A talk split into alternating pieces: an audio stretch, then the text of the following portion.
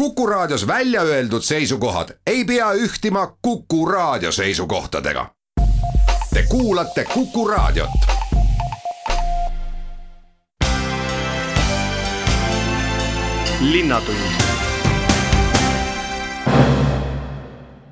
Tere päevast ja kaunist neljapäeva, head Kuku raadio kuulajad. algab äh, Kuku raadio saade Linnatund ja vaatame nüüd järgneva tunni aja sees, mida pealinnas huvitavat toimumas on. mina olen saatejuht Rein Pärn Tallinna linnavalitsus korraldab augusti viimasel kahel nädalavahetusel pealinna kuueteistkümnes koolis vaktsineerimise koroonaviiruse vastu linnapea Mihhail Kõlvart kutsus kõiki koolilapsi seda võimalust kasutama, et kooliaasta saaks turvaliselt alata. lisaks õpilastele saavad koolidesse eelregistreerimata vaktsineerima minna kõik soovijad. kuidas vaktsineerimine täpselt läbi viiakse ja kuidas selles osaleda saab, seda selgitas Kõlvart värskel linnavalitsuse pressikonverentsil. tänaseks äh, meil on välja töötatud äh, uued plaanid Äh,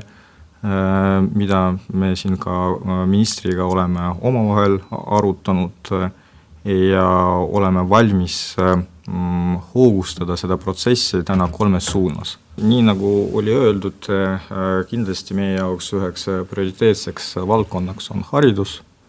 loomulikult me soovime, et meie lapsed saaksid õppida tavapäraselt kontaktõppe vormis aga selleks, et äh, see võimalus äh, säiliks, pingutada tuleb äh, juba praegu. ja me kutsume õpilasi ja tegelikult koos vanematega vaktsineerima augusti kahel viimasel nädalavahetusel.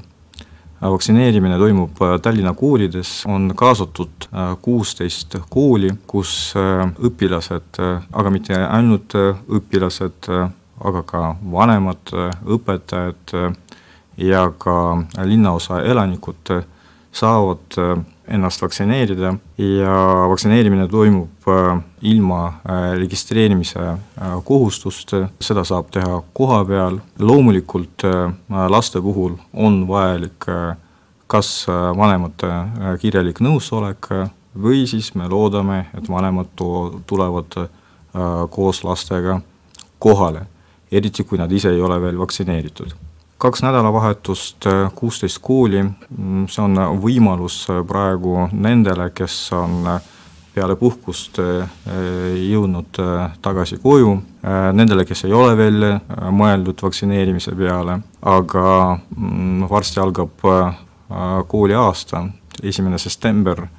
on juba väga lähedal. Ja praegu on ka viimane aeg sellega tegeleda veel üheks äh, suunaks on äh, koostöö äh, ettevõtetega. me saadame ettevõtetele sõnumi, eelläbirääkimised on juba tehtud, et Tallinna linn pakub korraldatud vaktsineerimist kas töökohal või siis me oleme valmis bussidega viima ühe või teise ettevõtte töötajaid sinna, kus on vaktsineerimine korraldatud Tallinna poolt, ehk siis Tallinna vaktsineerimiskeskused. Äh, me oleme valmis äh, tegema koostööd äh, iga ettevõttega, kellel, kus tekib huvi seda koostööd teha ja inimesi mm, nii motiveerida kui ka korraldada seda protsessi, sest loomulikult me oleme huvitatud, et rohkem inimesi selles protsessis osaleksid ja see vajab äh, ka korraldust, äh, äh, sealhulgas ka ettevõtete poolt. vastav e-, ettepanek läheb täna välja ja loomulikult me ootame seda koostööd. ja veel üks võimalus, mida me soovime augusti lõpus pakkuda tallinlastele, on eelregistreerimata vaktsineerimispunkte Tallinna linnavalitsuse hoones, et tegelikult äh, siinsamas ruumis. siin saab äh, tulla vaktsineerima sõltumata elukohast, kordan veel üks kord, et eelregistreerimata. Ja võib-olla veel üks mm, selle vaktsineerimispunkti omapära on vaktsiin, mida siin hakatakse pakkuma, selleks saab olema Moderna. tänaseks mm, see on kõige efektiivsem ja ohutum vaktsiin mida praegu, mis praegu ei ole väga populaarne, samas on olemas veel üks kor-, veel üks eelistus, miks see vaktsiin võiks olla. Paljudele inimestele hea valik, on kahe doosi vahel ainult neli nädalat vahet. Võrreldes äh, teise äh, vaktsiiniga, mis on tänaseks muutunud äh, väga populaarseks, ehk siis Pfizeriga, kus see vahe peab olema kuus nädalat, et ma arvan, ka see võiks olla täiendavaks motivatsiooniks. aga koolides me jätkuvalt pakume Pfizeri, sest see vaktsiin noh, on praegu esiteks kinnitatud äh, selleks, et äh, pakkuda seda ka lastele vaktsineerimiskomisjoni poolt äh, ja ka paljudele inimesele just see vaktsiin on kõige usaldusväärsem. Seega koolides vaktsiin, mida pakutakse, on jätkuvalt Pfizer. no ja võib-olla veel üks informatsioon, et me soovime, et vaktsineerimisprotsess oleks äh, maksimaalselt positiivne ja seega pakume koha peal koolides äh, väikseid meeneid kingitusi kõigile, kes tulevad äh, vaktsineerima. ja soovime kor-, korraldada ka loosimise, kuhu tulevad ka auhinnad, mis peaksid tekitama huvi just noorte seas. Äh, sellised on meie äh, lähiplaanid, informatsioon äh, läheb varsti laiali ja juba praegu saab planeerida, sest esimene kuupäev, millal koolides saab vaktsineerida, on kahekümne esimene august töö- ja terviseminister Tanel Kiik ähm, tervitab niisugust pealinna initsiatiivi ja kutsub ka teisi kohalikke omavalitsusi sarnaselt käituma. ta lisab, et riik omalt poolt ka igati toetab sellist algatust. ma arvan, see Tallinn on nii-öelda äh, käiguvahetus, et võtta veel rohkem sellist äh, initsiatiivi ja, ja, ja tegutseda augustis äh, enne kooliaasta algust on ainuõige tegelikult eh, nagu linnapea viitas, siis eh, kohati öelda pealinna tahe on olnud suurem kui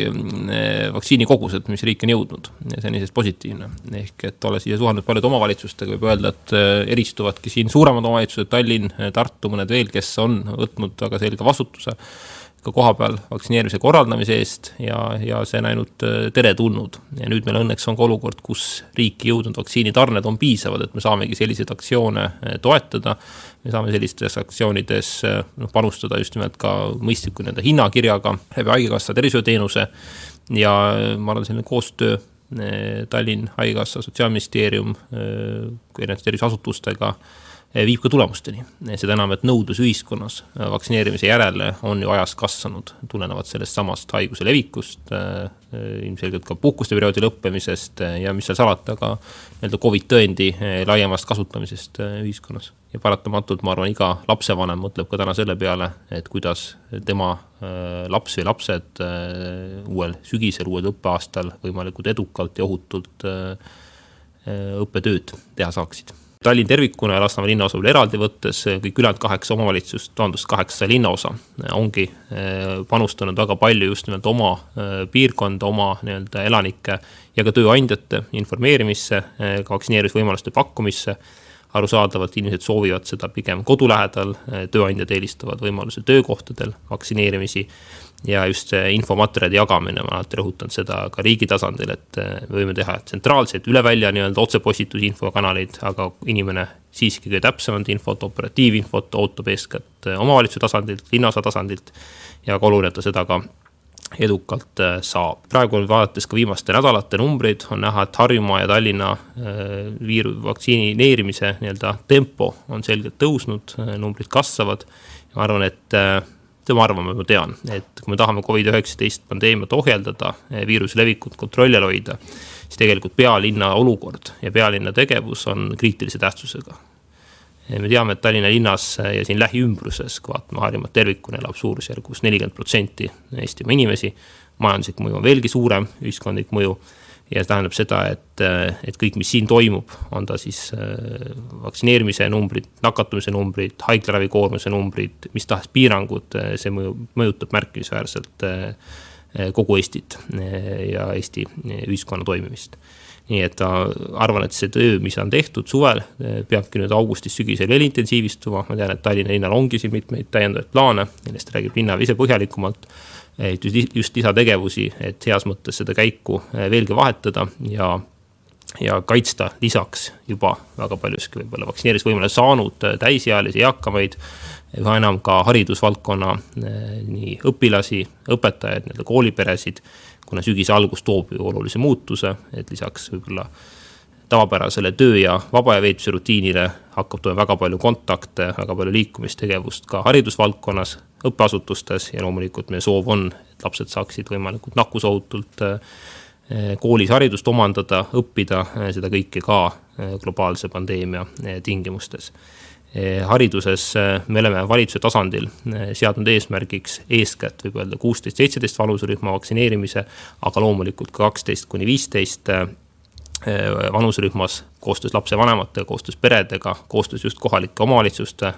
ja haridusasutustega vaktsineerimisvõimaluse pakkumise siin augustis-septembris, kuna need vaktsiinid tulid mõnevõrra hiljem, vaktsineerimisvõimalus tuli mõnevõrra hiljem Pfizeri puhul võib öelda siis eh, juuni keskpaigast, Eestis on see võimalik eh, Moderna puhul nüüd alles eh, juuli lõpust.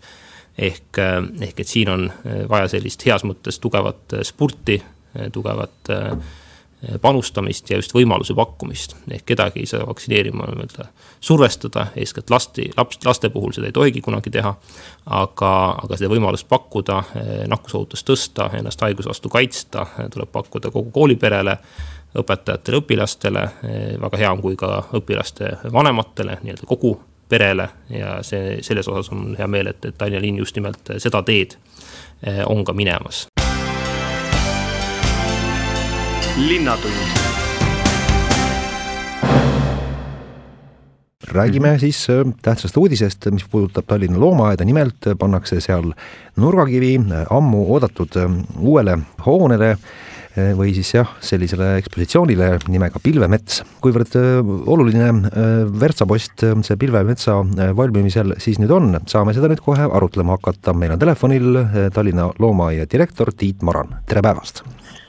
tere päevast! Et jah, oluline päev, et äh, asjad on nii kaugele äh, jõudnud, et ei ole enam unistus see pilvemets. no ta veel praegu ikka on unistus, aga ma teen kohe alguses ühe väikese äh, täpsustuse, et projekti nimi on Pilvemets, aga meil on ikkagi vihmametsaga tegemist, et ta on natukene laiem, mitte need väga kõrgel mägedes olevas, troopikas olevad pilvemetsad, et sellega me lootsime kunagi hakkama saada, aga ei saa, saanud hakkama ja tänu sellele ta on natukene laiem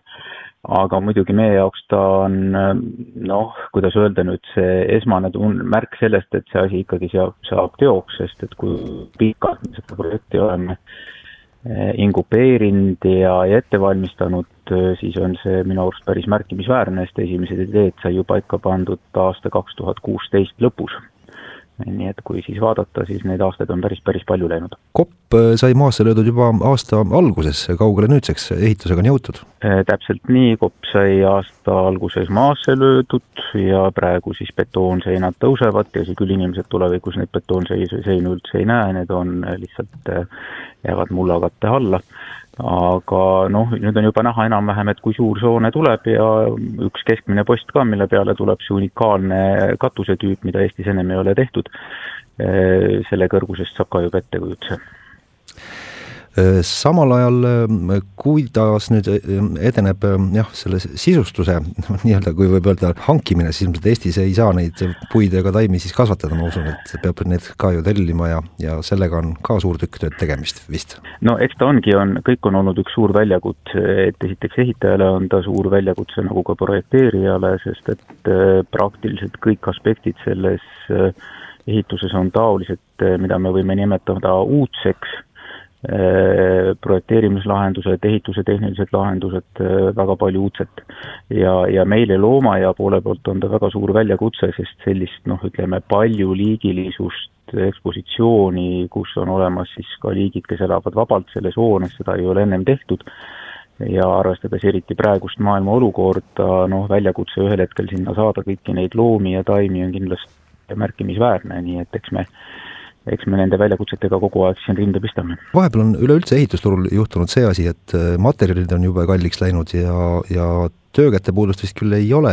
aga ega see nüüd ei ole muutnud suuresti selle kogu projekti eelarvet? no eelarve on selles suhtes, et see on nüüd teema ehitajale tegelikult, sest et meil on hange tehtud ja hankes on summa kokku määratud, aga ma olen üsna kindel, et ega ehitajal lihtne ei ole. sest et nagu te ütlesite, jah, hinnad on tõusnud, hanked, hankemenetlused on keerulised ja laadi projekt, mis eeldab ka päris palju rahvusvahelist koostööd, nii et, et äh, tulles jälle tagasi selle esimese väite peale, et väljakutseid on palju. see on ikkagi loodetavasti paigas, et äh, umbes aasta pärast, järgmisel aastal juuli lõpus peaks see vihmamets valmis saama? selle kuupäeva nüüd peab siis vaatama täpselt, kuidas ta meil siin pressiteates kirjas oli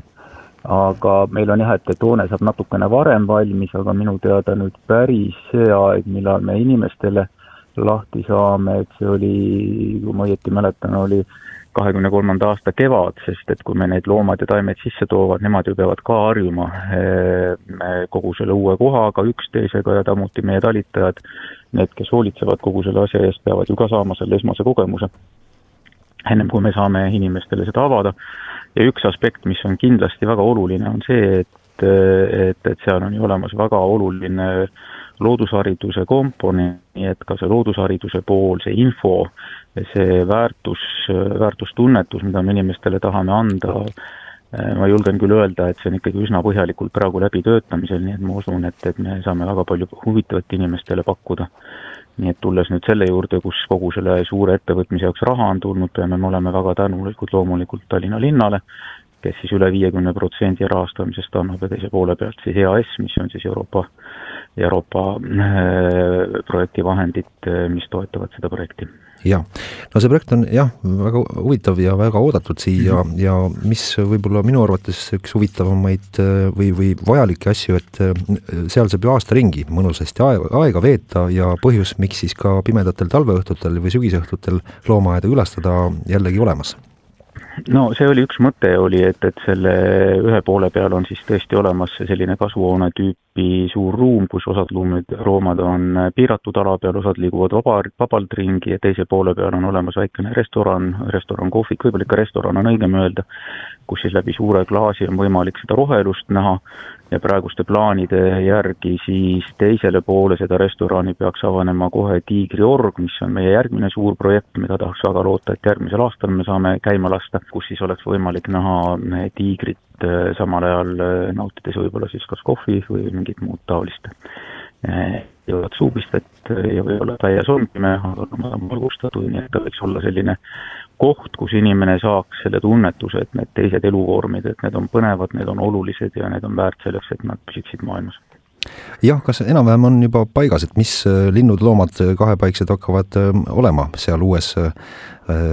ekspositsioonialal nii-öelda, kes saavad priviligeeritult soojas ruumis olla aasta otsa? Eh, no ega neil see priviligeeritus on paratamatu, sest nad on troopikast pärit, ega nad siin meie karmis kliimas hakkama ei saaks. aga jah, enam-vähem on loomulikult paigas, on, et, et millega me tahaksime inimesi rõõmustada, on kindlasti, on äh, silekarv saarmas, mis on siis troopiline saarmaliik, kes peaks väga mänguline olema ja tänu sellele inimestele huvitav vaadata ja teiselt poolt on tema olukord maailmas üsna kehva, välja arvatud Singapuris, kus teda siis on ka linnakeskkonnas päris palju siis tahaks tuua sinna, meil on endal tegelikult olemas juba praegu kalastaja kassi, see on selline huvitav kassiliik, kes püüab eest kala. Ja loodame, et meil õnnestub seda ka nii eksponeerida, et ta nüüd oma varjulise eluviisiga ennast ära ei peida kuskil väga. siis tuleb selline loom, kelle nimi on pinturong, inimesed, kellel on huvi, siis lööge sisse, vaadake, nõrga B-ga hakkab peale pinturong, see on selline hästi kummalise välimusega pisikiskja, kes elab põhiliselt tüvede peal tahaks tuua lendkoera, see võiks inimestel olla selline huvitav, elukas, eh, ütleme siis hästi suurt tüüpi karvane nagu nahkhiir, aga, aga palju suurem, eh, kes loodetavasti me saame ka vabalt lendama panna sinna. Eh, sarviknoka ühe linnu tahaks tuua ja siis juurde sinna kõiksugu väikseid kilpkonni, linde, võimalik, et ka putukaid, no ja terraarium, terraariumi osa muidugi, kust tulevad veel ka kahepaiksed ja, ja loodetavasti ka mõningad maoliigid. nii et see peaks olema päris rikkalik kaleidoskoop sellest kõigest, eh, mida võib leida troopilisest vihmametsast Kagu-Aasiast, mida me kahjuks ei saa näidata, et me ei saa näidata suuri loomi, ütleme orangutangest, et selleks peaks maja olema märkimisväärselt suurem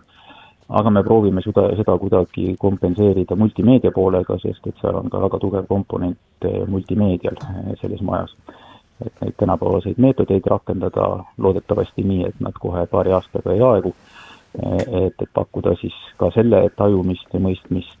mida me sinna majja sisse ei saa tuua. no nii, väga kena ülevaade teemast, põhjalik olemas ja edu selle eh, projekti lõpule viimisel! aitäh ja tulge loomaaeda! Linnatund viimastel päevadel on jällegi kergliikurit liikuritega juhtuvatest õnnetustest palju juttu olnud, oli siin uudis, et äh, sel aastal on juhtunud juba sada kakskümmend kaheksa äh, kergliikuri äh, juhiga liiklusõnnetust ja Soome on lausa nii mures, et nemad käisid välja mõtte, et võiks üldse keelata elektritõukerataste kasutamise nädalavahetusel ja eriti öösiti. kuivõrd murelikult nüüd meie politsei vaatab elektriratturitega juhtunud õnnetustele peale ja, ja mis mõtted on siin juba liikunud, et neid vähem oleks, saame seda nüüd kohe arutlema hakata, meil on telefonil Politsei- ja Piirivalveameti liiklusjärelevalve keskuse juht Hannes Kullamäe, tere päevast! tere päevast! see sada kakskümmend kaheksa kergliikuriga juhtunud õnnetust, et kuidas te sellele numbrile vaatate, et see on ilmselt suurem kui, kui eelmistel aastatel? Äh, jah, sada kakskümmend kaheksa liiklusõnnetust on äh, tänavu aasta juhtunud, kus on siis kergliikuri juht osalenud äh, võrrelda siin nüüd möödunud aastaga kindlasti neid numbreid ei saa, sest möödunud aastat ei olnud see selliselt reguleeritud, ehk tegemist ei olnud ju liiklusõnnetusega, vaid oli õnnetusjuhtumiga tegemist, ehk kui tõukeratturi juht siis kas kukkus või sai vigastust, see oli õnnetusjuhtum ja me ei käsitlenud, ei käsitlenud seda kui liiklusõnnetust ja selles osas meil nagu otsest statistikat ei ole, aga jah, number iseenesest on suur, arvata oli, et kui me, kui need liiklusseaduse vaates saab ära reguleerida, et siis ka see number kasvab, et äh, eks järgmine aasta näitab, milline see number on, aga, aga suur ta on. mis siin äh, põhjustena siis välja tuua saab, et äh, miks need õnnetused juhtuvad, et kas tõesti see purjutamine ja just see nädalavahetusel pidudelt koju sõidud on just need hetked, kui elektritõukerattur kukub ümber või sõidab kuhugi otsa? eks siin on erinevad põhjused, et sõidetakse millelegi otsa, kaotatakse juhitavus ära, hinnatakse oma võimeid üle, sõidetakse kahekesi ja, ja eks kindlasti teatud juhtude puhul on ka alkohol olnud see probleem, miks see, õnnetus on juhtunud. kas ka võib äh, see põhjus olla, miks just teatatakse, kas politseile või siis jah, arsti käest abi hakatakse küsima, et ei ole turvavahendeid peas või siis jah, küünarnukkide või põlvede otsas, et äh, kipuvad need vigastused olema nii tõsised, et peab lausa erakorralise meditsiini osakonda pöörduma? eks need vigastused ongi erinevad ja raskusastmed on erinevad, et loomulikult tõukerattaga sõites äh, täna on seadusega kohustus alla kuueteistaastasel isikul kanda kiivrit, aga politsei soovitus äh, on ikkagi see, et kõik, kes äh, kasutavad elektritõukeratast, kannaks kiivrit, sest et pea on kõige õrnem asi ja, ja loomulikult ka teisi kaitsevahendeid, et kui kukkuda, et siis vigastused või, oleksid võimalikult väiksed või äh, ei oleks neid üldse. elektritõukerattaga sõitmiseks jätkuvalt ei ole vaja teha mingisuguseid juhilube, võib minna poodi, osta ratta ja hakata kohe sõitma ilma igasugust äh, liiklusseadust tundmata, et äh, kas ka siin mingisugused juba, juba ette kirjutatud probleemid on jah, näha? jah, selles osas küll, et liiklusseaduse või eraldi juhiluba selleks tegema ei pea täiskasvanud inimene, aga see ei tähenda seda, et inimene soetades endale sellise ratta või tõukeratta äh, võiks ja peaks nagu harjutama, võiks äh, käia üle elementaarsed äh, liiklusreeglid ja veel kord, kohandada ikkagi oma sõidukiirus selliseks, nagu tema oskused, et täna on tõukerattad sellised, mis, millega võib sõita kuni kakskümmend viis kilomeetrit tunnis, aga see ei tähenda, et sellise kiirusega peaks sõitma, et alati tuleb valida enda oskustele vastav sõidukiirus ja veel kord, nagu me siin suvel tegime erinevates kohtades koostöös äh, rendifirmade ja kohalike omavalitsustega neid õppepäevi tea-, või teabepäevi, siis inimesed, kes kohale tulid, äh, said ka ise aru, et ega, ega see ei ole nii lihtne, et võtad ja sõidad, et äh, tuleb ikka harjutada erinevaid pöörde, pidurdusi, ohte ette näha, et see võtab aega ja veel kord, nii nagu jalgrattasõiduga, tuleb hinnata oma oskusi ja võimeid ja vastavalt sellele liigelda kui ikkagi võtta nüüd sellest numbrist kinni, et veidi alla pooltel juhtudel on siis tuvastatud õnnetuses osalenud elektritõukeratturil ka alkoholijoove, siis peaks olema ikkagi sellise teo eest ju ka rahatrahv, ma ei tea, kas seda politsei on juba ka rakendanud, et mõni elektritõukerattur ka trahvi on saanud? jaa, et eks järelevalve käigus me pöörame ka sellele tähelepanu, me kontrollime, kas siis ka tõukeratturi juht on tarvitanud alkoholi, kui ta selle aparaadiga liigub ja kui see on, eks siis äh, vastav koha peal siis menetleja teeb otsuse, et äh, kas siis karistab, piisab vestlusest, äh, seadme ärapanekust, aga jah, me sellele tähelepanu pöörame ja veel kord, soovitus on ikkagi see, et kui on tarvitatud alkoholi, siis ei ole liiklusvahend see, mille rooli minna, et ka liiklusvahend on tõukeratas, jalgratas, auto, mopeed, mis iganes sõiduvahend, et inimesed peaks mõistma ja aru saama, et äh, see rool ja alkohol ei käi kokku. ja rahatrahv võib olla kuni sada ühikut, see teeb siis äh, mitu eurot ümber arvutatuna? see on siis kuni nelisada eurot. jah, siin abilinnapea Andrei Novikov äh, ütles siis Aktuaalsele Kaamerale, et politsei võiks ühe lahendusena ka siin hakata kas siis ilmselt nädalavahetustel puhumisreide korraldama ja kontrollima ka ratturite ja tõukeratturite kainust, et äh, on teil, on teil plaanis see? Äh, nii nagu ma ka ennist ütlesin, et äh, me teeme seda järelevalve käigus, me seda kontrollime, on see siis nädalavahetus, on see nädala sees, et vastavalt ohuhinnangule, analüüsile me neid tegevusi teeme, aga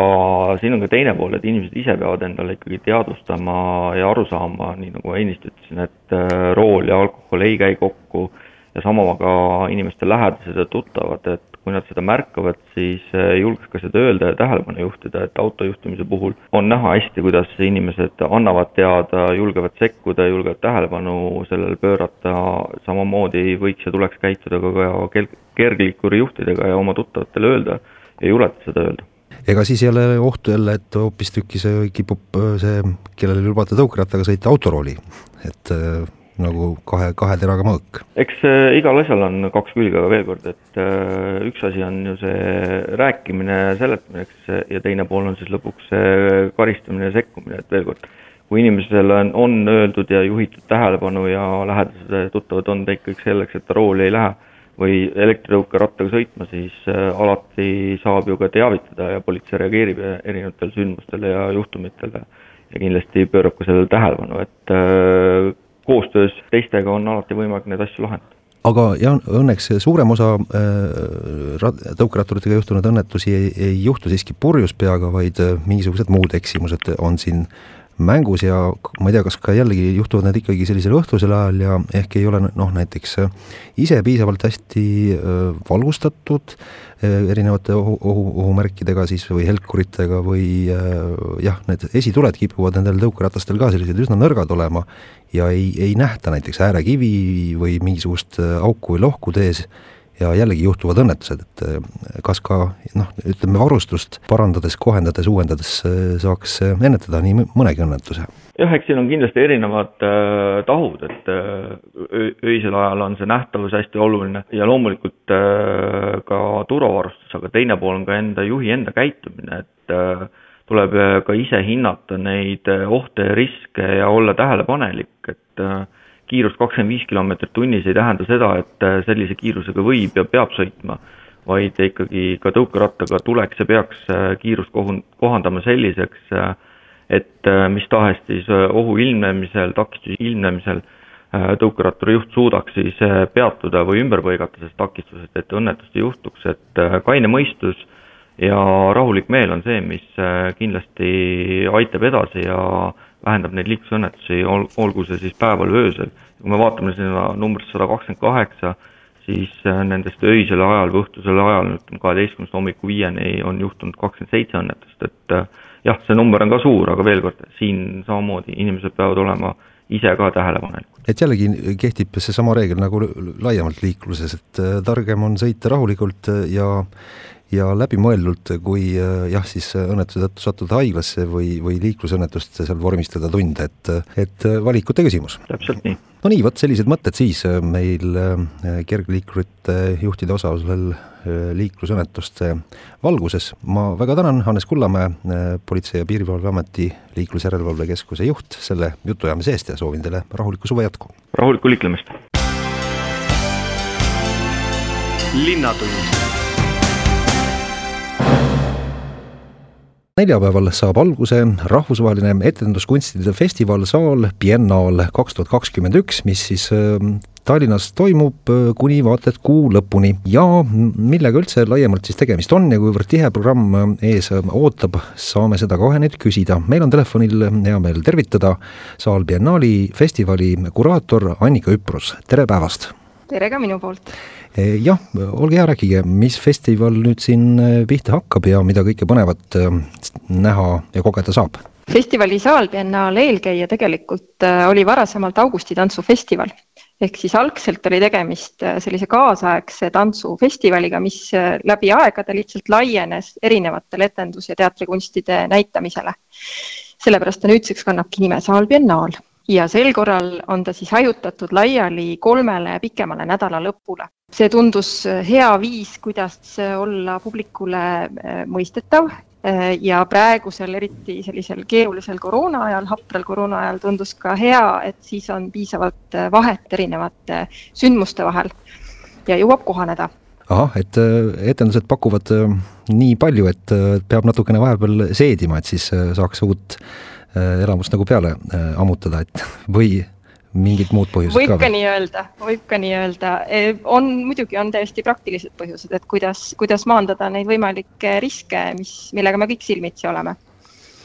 ja, ja samal põhjusel on festivalil ka hästi palju erineva kujuga äh, üritusi või, või etendusi. et on, on selliseid, mis toimuvad teatrisaalis Äh, kus on siis rohkem publikut ja kus on laval rohkem tantsijaid. näiteks juba sellel nädalavahetusel nii Kanuti Killi saalis kui Sakala kolm teatrimajas, äh, kui ka toimub üritusi linnaruumis, kuhu saab lihtsalt äh, mööda minnes jalutada Äh,